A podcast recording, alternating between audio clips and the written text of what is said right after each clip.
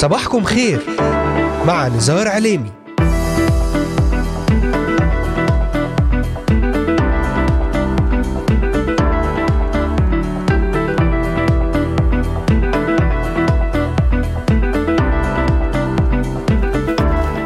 الخامس عشر من شهر مارس آذار للعام 2023 المستمعات والمستمعون صباح الخير. أهلا بكم في يوم جديد ضمن الموسم الثاني من برنامج صباحكم خير معكم على الهواء مباشرة. نزار عليمي أهلا وسهلا بكم في إذاعتكم صوت الأمل. أرحب بمستمعينا من الأراضي المقدسة ومن بلدان الشرق الأوسط وشمال أفريقيا من سوريا لبنان مصر تركيا الأردن والعراق ليبيا اليمن السعودية والكويت ومستمعينا من أستراليا أمريكا ألمانيا كندا والسويد والذين يتواصلون معنا ويتابعوننا على مختلف منصاتنا الاجتماعية لإذاعة صوت الأمل. أذكركم أنكم تستطيعون الاستماع إلينا ومتابعتنا من خلال تحميل تطبيق إذاعة صوت الأمل على هواتفكم النقالة بعنوان Voice of Hope Middle East أو عن طريق مشاركتنا في قناتنا على اليوتيوب بالبحث عن إذاعة صوت الأمل في بث حي ومباشر وأيضا من خلال تحميل تطبيق آي تيون والبحث عن Voice of Hope Middle East وزيارة موقعنا الرسمي voiceofhope.com تابعونا على مدار هذه الساعة الصباحية ولأي سؤال أو استفسار تواصلوا معنا الآن. للتنويه تستطيعون الاستماع والعودة إلى جميع حلقات برنامج صباحكم خير وذلك من خلال متابعتنا على محرك البحث إذاعة صوت الأمل في كل من تطبيقات أنغامي Spotify Deezer Amazon Music Apple Podcast و Pocket Cast Podbean Podcast ستجدون جميع هذه الحلقات وغيرها من البرامج الخاصة لإذاعة صوت الأمل على هذه المنصات الاجتماعية المختلفة. وأذكركم أن هذه الحلقة تعاد أيضا في تمام الساعة الثانية ظهرا بتوقيت القدس. أهلا وسهلا بكم في إذاعتكم صوت الأمل من هنا من الأراضي المقدسة لنبدأ.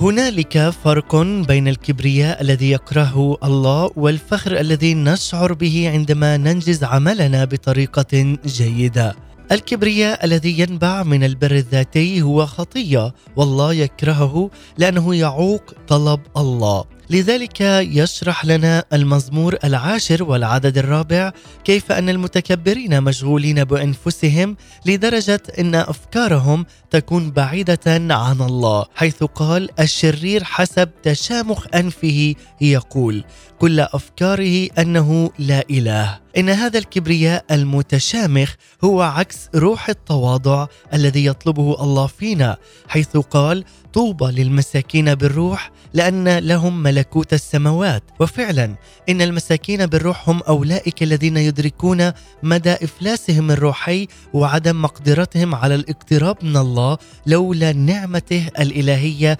المحبة لجميع البشر. أما المتكبرين فقد أعماهم تشامخهم حتى أنهم يظنون أنهم لا يحتاجون ابدا إلى الله أو حتى أن يتدخل في حياتهم أو الأسوأ من هذا يعتقدون أن الله يجب أن يقبلهم كما هم لأنهم يستحقون قبوله. تخبرنا كلمة الله ما هي عواقب الكبرياء. فيقول في سفر الأمثال الإصحاح السادس عشر العدد التاسع عشر وأيضا الثامن عشر يقول إنه قبل الكسر الكبرياء وقبل السقوط تشامخ الروح. تواضع الروح مع الودعاء خير من قسم الغنيمة مع المتكبرين. لقد طرد إبليس من السماء بسبب الكبرياء فقد كانت له الجرأة حتى يحاول أن يضع نفسه مكان الله لكي يتسلط على العالم. ولكن في يوم الدينونة الأخير سيطرح إبليس في الجحيم أما الذين يقفون بتحدي أمام الله لا ينظرهم سوى الكوارث. لذلك قد منع الكبرياء الكثير من قبول الرب يسوع المسيح مخلصا شخصيا لهم. فالاعتراف بالخطية وإدراك أننا في قوتنا الذاتية لا نستطيع أن نفعل شيئا لنرث الحياة الأبدية هو حجر عثر دائم أمام المتكبرين. فلذلك يجب ألا نفتخر بأنفسنا. أما إذا أردنا الافتخار بشيء فيجب أن نفتخر بعمل الله وهو الذي أحبنا للمنتهى الذي صلب مات وقام لأجلنا أن نفتخر بعمل المسيح لأجل كل واحد فينا وهو إله التواضع والذي نحن علينا أن نكون كذلك متضعين ومتواضعين لأن إلهنا هو إله التواضع والمحبة والإيمان.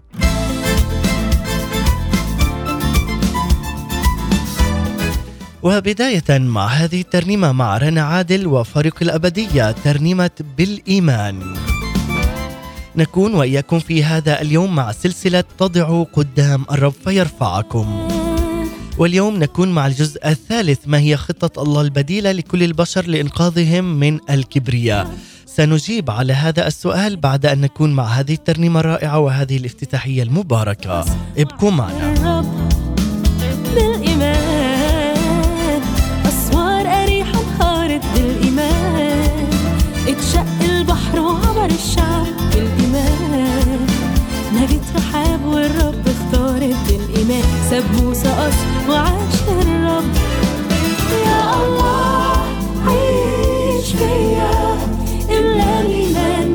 حبني واسلم نفسه عشاني. يا الله.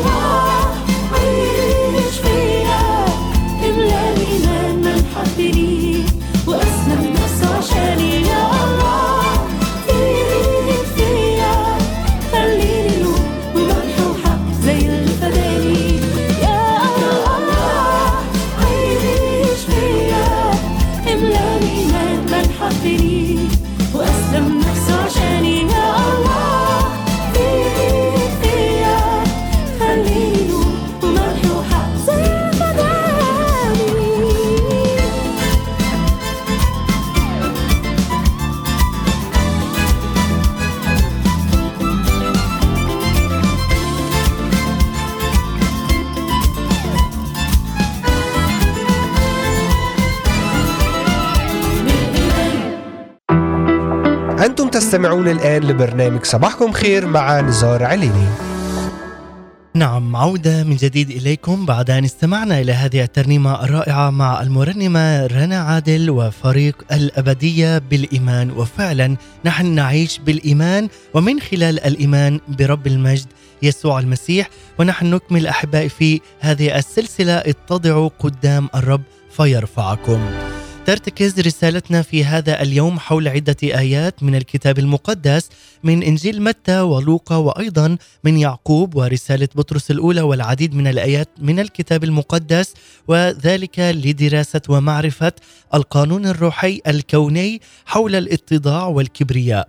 لنجد حكمة وبصيرة وبعض الخطوات العملية بدءا من الدور الحيوي للتواضع عندما نقترب من الله الحي.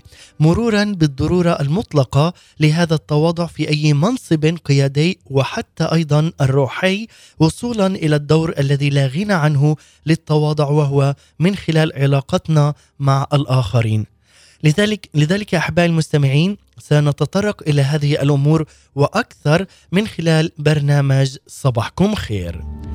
لذلك نكمل اليوم بالسلسلة الجديدة التي بدأنا بها بعنوان اتضعوا قدام الرب فيرفعكم واليوم نكون مع الجزء الثالث من هذه السلسلة لنتحدث حول خطة الله البديلة لكل البشر لإنقاذهم من السقوط في خطية الكبرياء. وذلك بعد أن تحدثت سابقا في الجزء الأول والثاني عن القانون الروحي الكوني حول الكبرياء والاتضاع وأيضا لقوانين الطبيعة مقابل القوانين الروحية وأساس جذر تمرد الإنسان بعد تمرد لوسيفر على الله وطرحه خارج محضر الله. للعلم احباء المستمعين والمتابعين أن رسالتنا في هذه السلسلة متعددة الأجزاء أيضا وترتكز حول عدة آيات من الكتاب المقدس ونتساعد في تقديم هذه الحلقة من خلال دراسة قد أجراها المعلم اللاهوتي ديريك برينس لنكتشف معا ونوضح العديد من الأمثلة والخطط التي وضعها الله لكي نفهم قصد الله من خلال تواضعنا نحن كشعب المسيح الواحد والكارز باسمه. لنعرف أيضا ما هي خطة الله البديلة للإنسان وما القصد الإلهي في جوهر الكبرياء والاتضاع بين الناس وأيضا نعرف جذر التمرد للإنسان في السقوط في الخطيئة و الابتعاد عن الله. سنجيب على هذه التساؤلات والمضامين من خلال برنامج صباحكم خير. تابعونا وابقوا معنا على السمع وأرحب في هذا الوقت بجميع الذين انضموا الآن إلينا. أهلا وسهلا بكم في إذاعتكم صوت الأمل.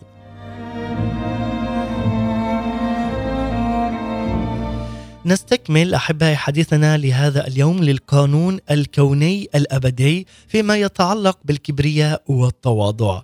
المعركة بين هاتين القوتين المتنافستين هي شيء نواجهه باستمرار في حياتنا اليومية. لخص يسوع المسيح هذا القانون الروحي الذي تطرقنا إليه وذلك من خلال حديثه في متى الإصحاح الثالث والعشرين والعدد الثاني عشر عندما قال فمن يرفع نفسه يتضع ومن يضع نفسه يرتفع. قد تطرقنا سابقا إلى أول تمرد في تاريخ الكون ورأينا الجانب المحزن من هذا القانون خاصة عندما نظرنا في حزقيال النبي الإصحاح الثامن والعشرين وكيف أن لوسيفر قد تمرد على الله مع أيضا ملائكته الساقطة وفيما بعد قد طرحه الله من جنة عدن وطرحه إلى الأرض. لذلك نظرنا هنا إلى مشهد تفشي الكبرياء وتمرد الكروب المهيب وهو الملقب بلوسيفر الذي أثار التمرد بين رفاقه من الملائكة متهما لله ومتحركا بالوشاية بينهم. وفي النهاية أقنع الملائكة الذين تحت سلطته وهو تحت سلطة لوسيفر بالانضمام إليه في التمرد على الله وهذا كله كان بسبب الكبرياء. في تلك النقطة أيضا رأينا تجلي القانون الكوني يأخذ مجاله. فمن خلال رفع لوسيفر لنفسه تم إذلاله.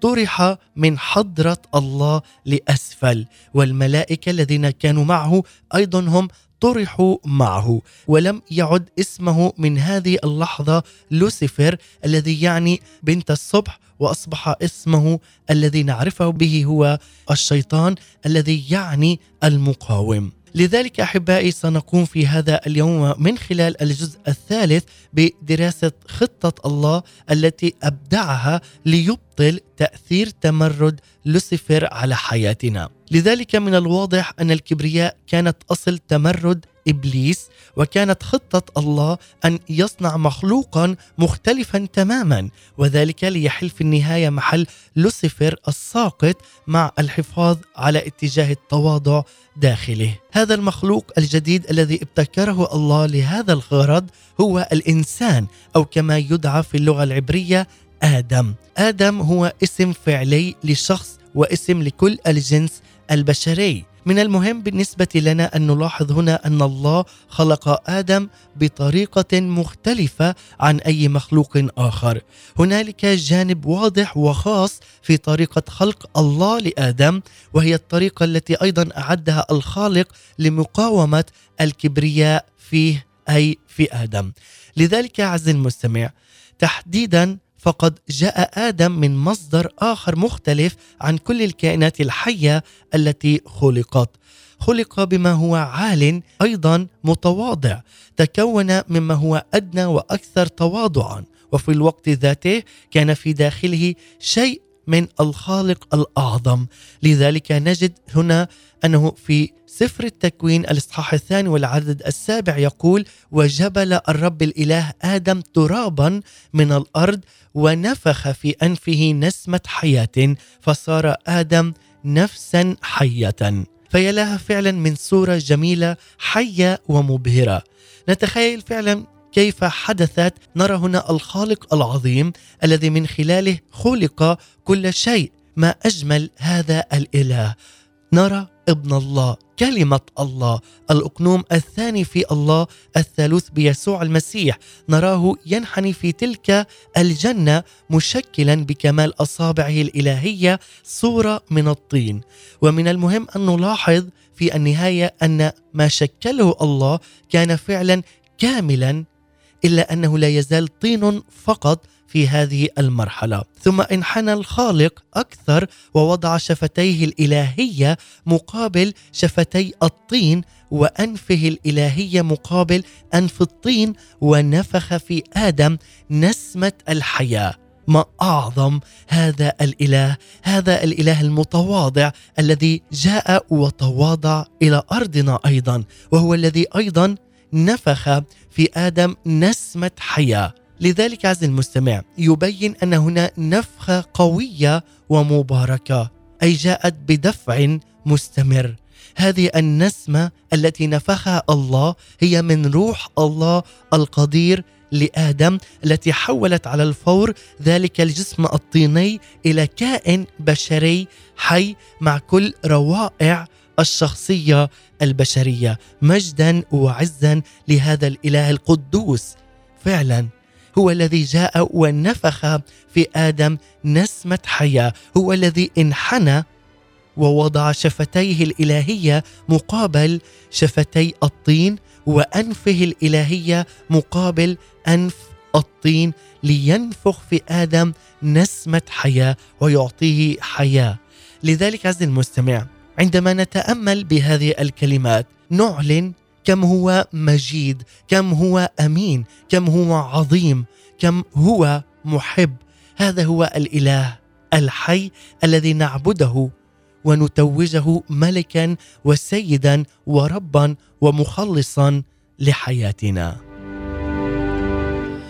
قبل أن أتطرق إلى خمسة جوانب فريدة في خلق الإنسان دعونا الآن نستمع إلى هذه الترنيمة ترنيمة جدا رائعة مع المرنمة جوي ألفريد ترنيمة بصدق إنك صالح. تعال اليوم وصدق انه إلهك هو الإله الصالح هو الإله الأمين هو الإله المحب. لأنه إله أمين كما كان في الأمس امينا أيضا في اليوم. وإلى الأبد. تعال وتمتع اليوم بجمال ومحبة وروعة الإله الخالق الذي يعطيك حياة أبدية. هو الإله الذي يعطيك رفعة وقوة والتعزيه تعال لنستمع معا ونعلن أن إلهنا هو إله صالح ونصدق أيضا بمواعيد الإله وتوقيت الإله الصالح لحياتنا.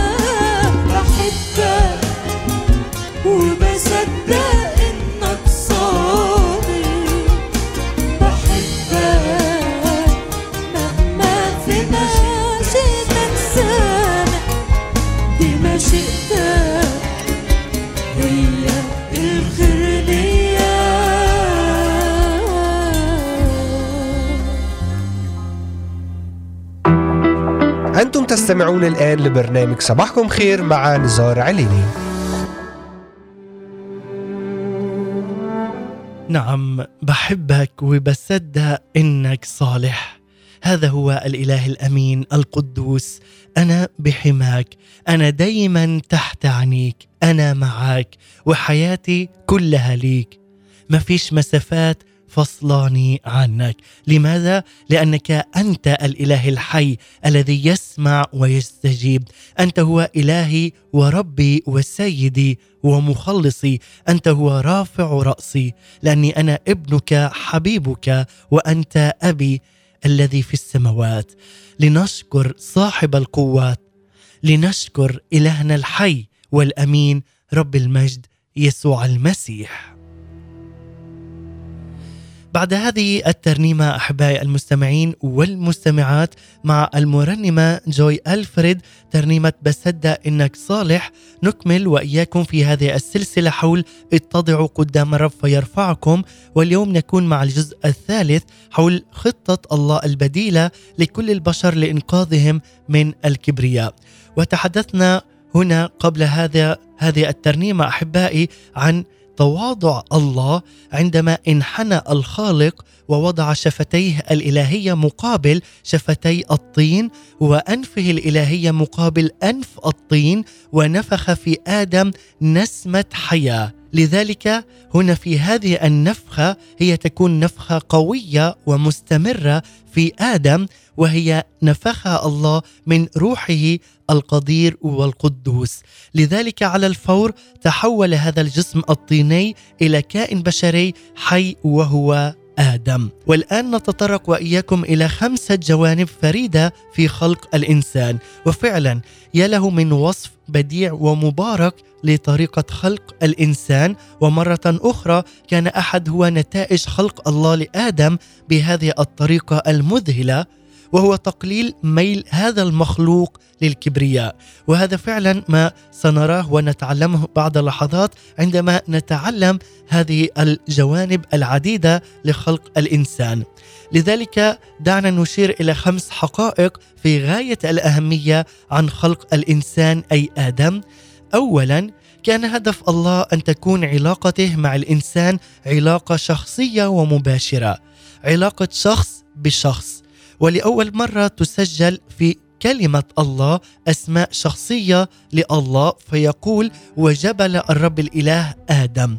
الرب هو الاسم المقدس الشخصي للإله الحقيقي وعادة ما نستخدم لفظ جهوفا لهذا التعبير وكثيرا أيضا ما ننطقه بيهوى. وهذه تكون بالصورة العبرية. أي بالاسم العبري ولكن الحقيقة الهامة التي نتذكرها هنا أن السرد هنا يقدم الله باسمه الشخصي أي الرب.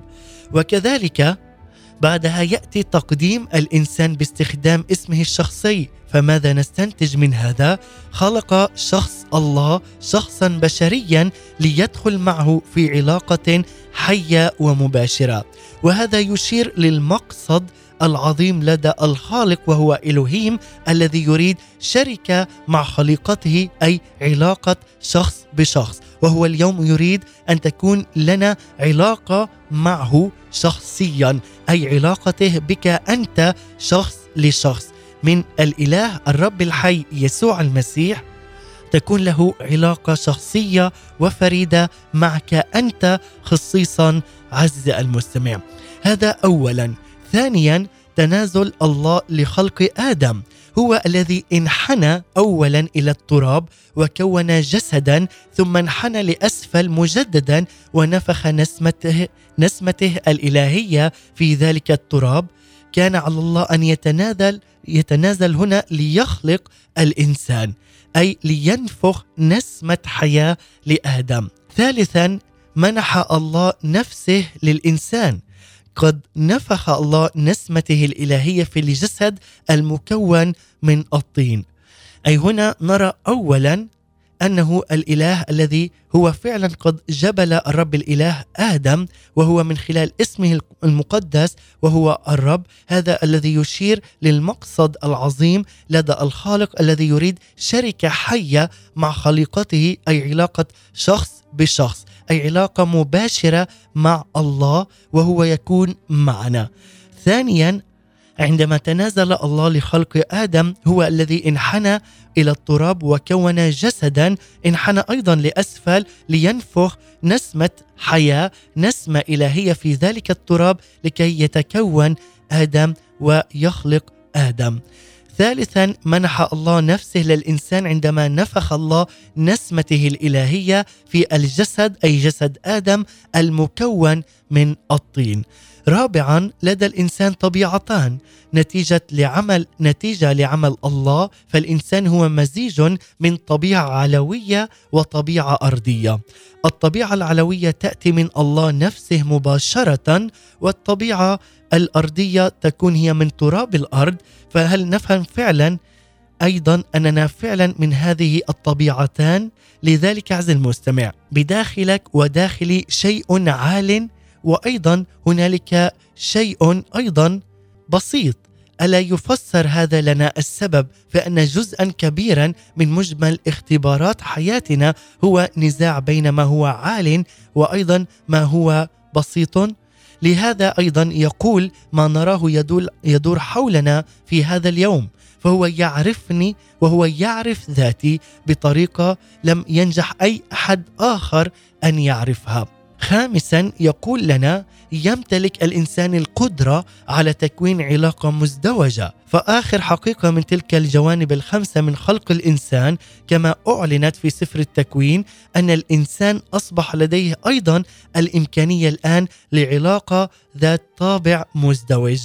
فمن خلال روحه أي الشيق الذي من الله يمكن أن يتواصل مع الله ومن خلال جسده أي الجزء الآتي من الأرض يستطيع أن يتواصل مع العالم من حوله. مرة أخرى من خلال الروح الذي نفخ فيه الرب الإله يكون فعلا هذا التواصل ما بين روح الإنسان والله والجزء الآتي من الأرض يستطيع أن يتواصل الإنسان مع العالم من حوله. لذلك هنا نرى حقائق أبدية تتوافق مع خبراتنا. فهنالك أمر ما بداخلنا تم تصميمه ليتواصل مع الله وذلك من خلال أرواحنا عندما نفخ نسمة حياة في آدم وجبل من الطين. آدم ليكون فعلا هذه نسمة حياة. جانب أيضا من طبيعتنا مصنوع ليكون هو فقط لله وليشبع أيضا بهذه الشركة معه. لقد خلقنا لعلاقة ثنائية معه شخص مع شخص. وفي هذا الوقت هنالك جانب من طبيعتنا أرضي للغاية ويربطنا بهذه الأرض. لذلك أن نكون فعلا منصتين جيدا لعمل وروح الله وماذا يريد؟ في ولكل واحد منا في هذه الأرض. لذلك تعلمنا هنا أن كنتيجة لسقوط الكروب المخلوق وهو الذي قلنا عنه لوسيفر صمم صمم هنا الله خطة بديلة لخلق كائن جديد من نوع آخر ومن مصدر آخر أي من الأرض وهنا جاء الله ونفخ في ذلك الكائن أي في آدم نسمة حياة النسمة الإلهية لمقصد واحد وعظيم وهو ليبطل الميل للكبرياء البشري. لذلك تعال اليوم بكل تواضع إذ تريد أن تكون تحت سلطان الله وفي دائرة الله وفي محضر الله عليك أن تتنازل عن كل كبرياء لأن هذا سيبطل تعاملك مع الله القدوس الذي هو إله التواضع. تعال اليوم وتواضع تحت يدي الرب يسوع المسيح.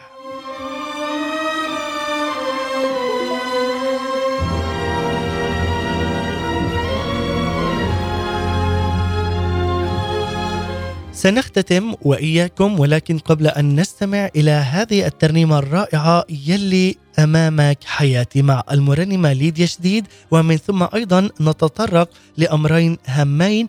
الأمر الأول الذي يمثل الله تمثيلا ظاهرا في حياتنا وكيف يمارس سلطان الله نيابة عنه في حياتنا. لذلك سنتطرق إلى هذا الموضوع ختاما بعد أن نستمع إلى هذه الترنيمة.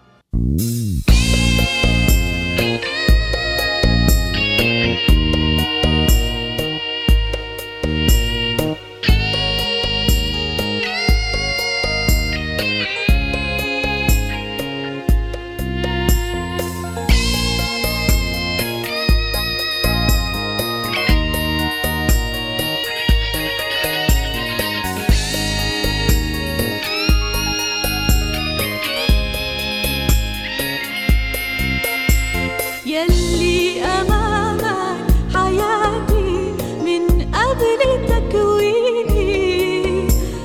make sure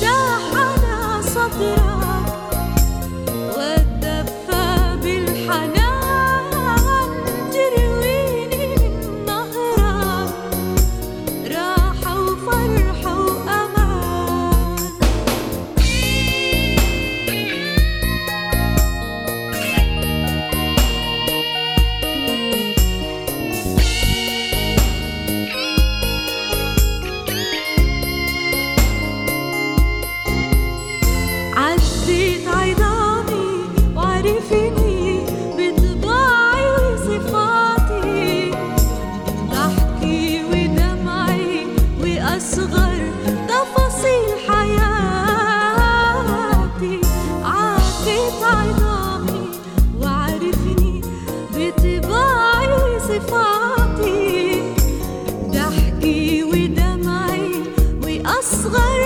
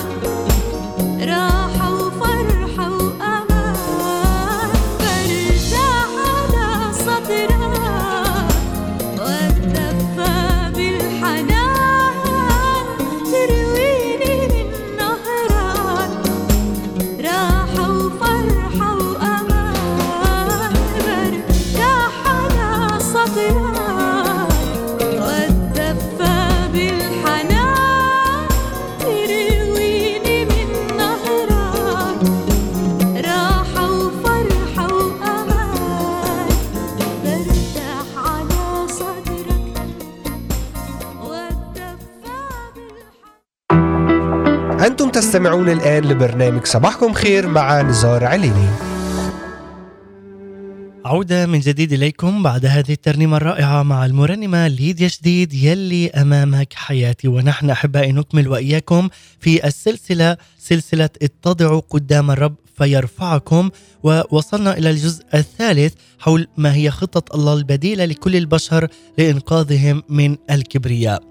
والآن أحبائي نتحدث وإياكم في هذا الشق الثالث من الجزء الث- الثالث في هذا اليوم حول أن هنالك مسؤوليتان أساسيتان للإنسان. مع ترسخ الحقائق الخمس ال- الخمسة التي ذكرناها سابقا قبل هذه الترنيمة وذلك المختصة بتفرد الإنسان المخلوق في فكرنا. سننظر الآن على مسؤوليتين رئيسيتين للإنسان أو آدم كما خلقه الله.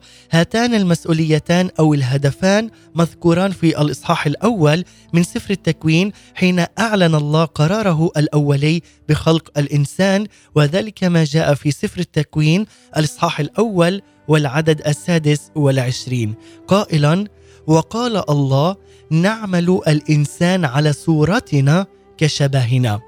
لنلاحظ هنا صيغة الجمع في هذه العبارة. ما المقصود عندما قال الله نعمل وقال الله نعمل هذا هو اللاهوت العظيم السرمدي أي الثالوث. الله الآب الله الإبن بيسوع المسيح والله الروح القدس. لذلك قال ونعمل. أي الثلاثة في اكنوم ثلاث أقانيم في جوهر واحد وهو الله الآب الله الإبن والله الروح القدس. لذلك قال الله نعمل الإنسان على صورتنا كشبهنا. ويكمل أيضا العدد قائلا فيتسلطون على سمك البحر وعلى طير السماء وعلى البهائم وعلى كل الأرض وعلى جميع الدبابات التي تدب على الأرض. لنلاحظ هنا مقاصد الله. فلم يقل عن آدم فقط وإنما قال عن كل الجنس البشري فيتسلط على كل الأرض. وهنا أيضا نراها بصيغة الجمع أي أن هذا ليس فقط لآدم وإنما لكل الجنس البشري كما أيضا عندما ذكر هنا وقال الله نعمل أي هنا المقصود بصيغة الجمع أي اللاهوت العظيم السرمدي الثالوث المقدس يعملون معا وفقا لمعا. لذلك نرى في المقطع هنا مقصدين رئيسيين أيضا لله هما وظيفتان منتظر من الإنسان أن يتممها هنا على أرض الواقع. دعونا الآن أن نستكشفها وأن نختتم بها. اولا أن نمثل الله تمثيلا ظاهرا على الأرض. على الإنسان اولا أن يمثل الله بصورة واضحة لدى بقية الخليقة. لقد طبع شبه الله في الإنسان لذلك كان تأثير نفخة روح الله في جسد الطين الذي صنعته أيدي الخالق أنه خلق كيانا يمثل الخالق بنحو واضح في بعض النواحي الخاصة تجاه بقية الخليقة. وثانيا أن نمارس سلطان الله نيابة عنه هنا على الأرض. أما هنا نقول أي الهدف الثاني لخلق الإنسان على الأرض فهو أن يجعله يمارس سلطانه نيابة عنه كان للإنسان أن يتسلط على سمك البحر وعلى الطير في الهواء وعلى الحيوانات على كل شيء على الأرض. لذلك خلق الإنسان لكي يمارس سلطانا هائلا وهذا هو المقصد. لم ينسه الإنسان نسيانا كاملا في شخصيته الداخلية فكثيرا ما كانت لديه الرغبة للوصول للسلطان. ولكن اليوم أي بعد سقوط الإنسان فهذه الرغبة التي في داخله ليس لها أي أساس صحيح. لذلك تكون هنالك سمتان أساسيتان في علاقة الإنسان مع الله وذلك عندما ذكرناها في كلمة الله في سفر التكوين الإصحاح الأول نرى هنا هذه السمتين الرئيسيتين أيضا في علاقة الإنسان نحو الله وطبقا لما شرحناه هنا عن الخلق فهاتان السمتان هما الشركة وثانيا الاعتماد أي الشركة مع الله تكون شركة يومية ومباشرة معه. ثانيا أن نعتمد على الله رب المجد يسوع المسيح. لذلك المفتاح الرئيسي أيضا للسعادة البشرية تكمن في الشركة مع الله ومن ثم الاعتماد على الله الحي. لذلك هنالك يكون تجاوب مع مقاصد الله من خلال المؤمن باسم رب المجد يسوع المسيح. لذلك عزيزي المستمع ربما ينبهك الروح القدس بشيء الآن في داخلك قد يذكرك بجوانب من حياتك. سعيت فيها لتحقيق الاكتفاء خارج نطاق العلاقة مع الخالق. وربما تكون أيضا قد رأيت العواقب السلبية لهذا القرار عندما ابتعدت عن الله أو لذلك التمرد الذي كان على الله. فإن كنت تشعر أن هذا فعلا ينطبق عليك نود أن نصلي ختاما في هذا الجزء. نقول كأساس لصلاتنا فعلا نأخذ هذه اللحظة المباركة أن نراجع أنفسنا ونطهر أفكارنا وقلوبنا وتصرفاتنا أيضا. لايضا نقول لك كل المجد والسلطان يا الله. لك كل المجد وأنحني اجلالا واكراما لك. نعلم أنك أنت هو الرب وكم فعلا نحن نشكرك لأنك إله أمين إله حي إله أمس واليوم وإلى الأبد. نشكرك لأنك أنت الذي بادرت بهذا الحب لأجل الإنسان ورفعتنا وميزتنا لنكون فعلا نحن أبناء لك أبناء مباركين. ونعلن أنك أنت إلهنا ومخلصنا. ونشكرك يا إله الملك لأنك فعلا أعطيتنا روحا تمكننا من أن نعلن أنك أنت الإله الحي. الذي نفخت فينا نسمة حياة لأنك أنت المعطي الحياة أنت الذي يعطي لنا الرفعة والقوة. ونقول فعلا آمين لاسمك القدوس. نتبعك يا اله الملك نتبعك لأنك أنت إلهنا ومخلصنا إلى الأبد. وشعب الله يقول آمين ثم آمين.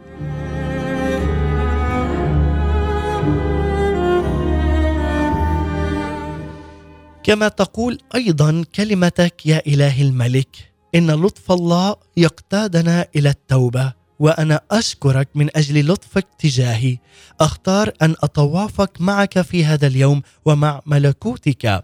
أختار أن أتبعك. أختار أن أستقبل نعمتك اليوم التي تمكنني من أخذ قراراتك التي أيضا تسرك أنت. قرارات ينتج عنها في مسيري لك ولأجلك أن أكون بالقرب منك بقية حياتي من هذه اللحظة وإلى الأبد. وأعلن أنك أنت إلهي ورافع رأسي. أنت هو مجدي أنت هو عزي وترسي. أنت هو إلهي ومخلصي. بهذه الكلمات أحبائي أختتم وإياكم هذا الجزء الثالث وفعلا قد تعلمنا ما هي خطة الله البديلة لكل البشر لإنقاذنا من الكبرياء ولإنقاذنا أيضا من الهلاك المحتم.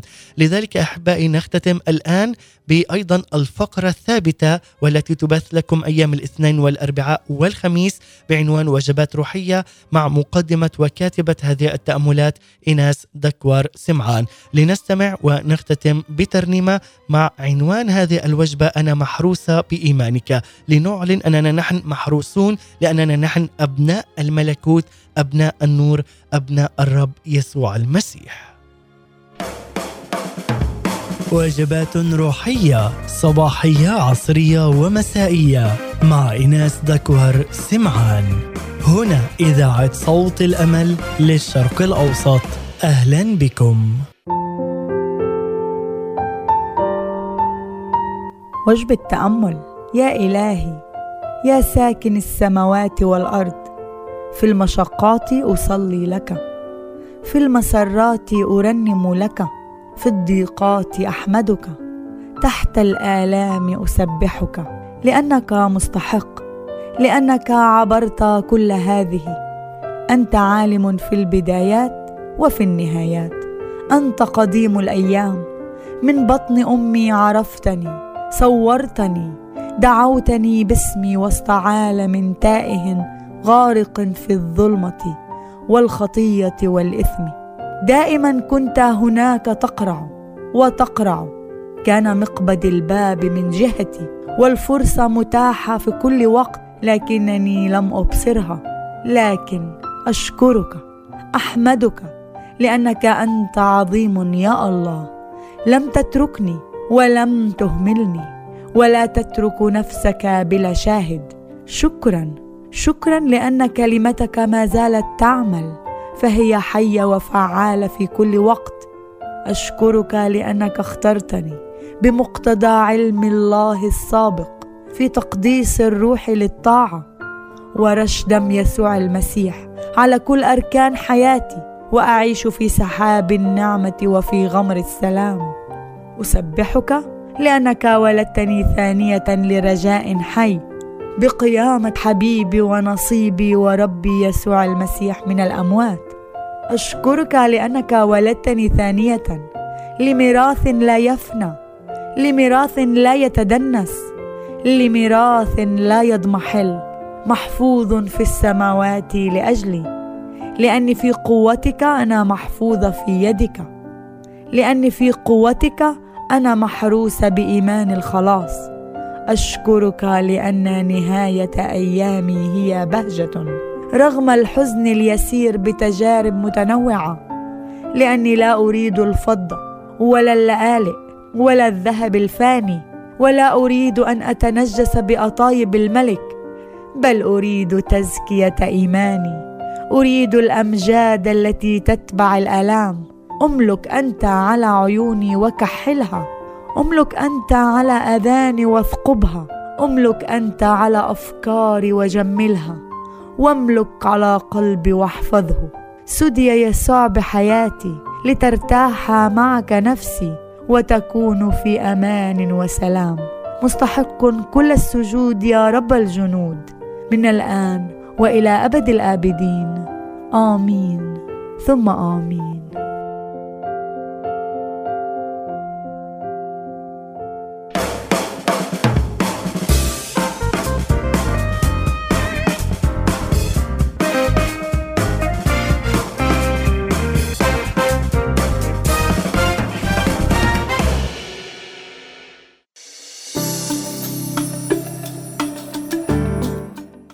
دكور سمعان شكرا لك على هذه الوجبة الصباحية الرائعة والمباركة. ثقة ان انت غلبت العالم والضيقات العالم ونختتم معكم مع هذه الترنيمة ثقتي إن أنت غلبت. مع فريق الحياة الأفضل نختتم وإياكم. ثقتي ان انت قدير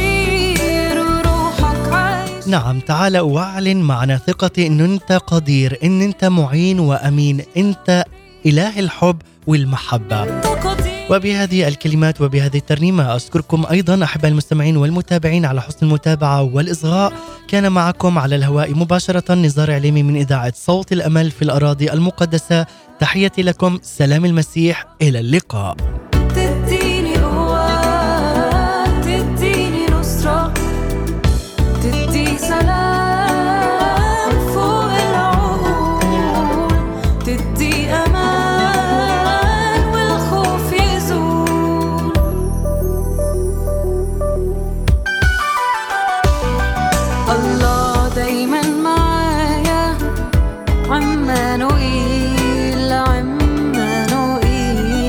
عمانوئيل رب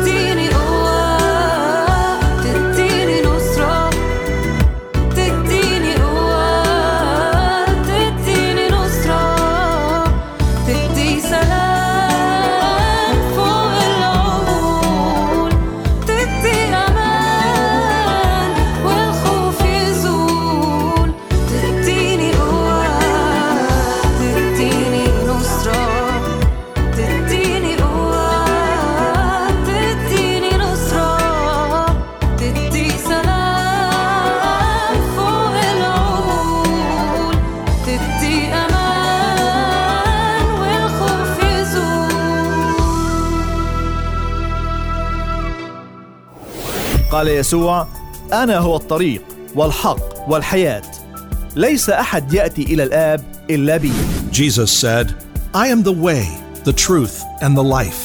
No one comes to the Father except through me. إذاعة صوت الأمل The Voice of Hope.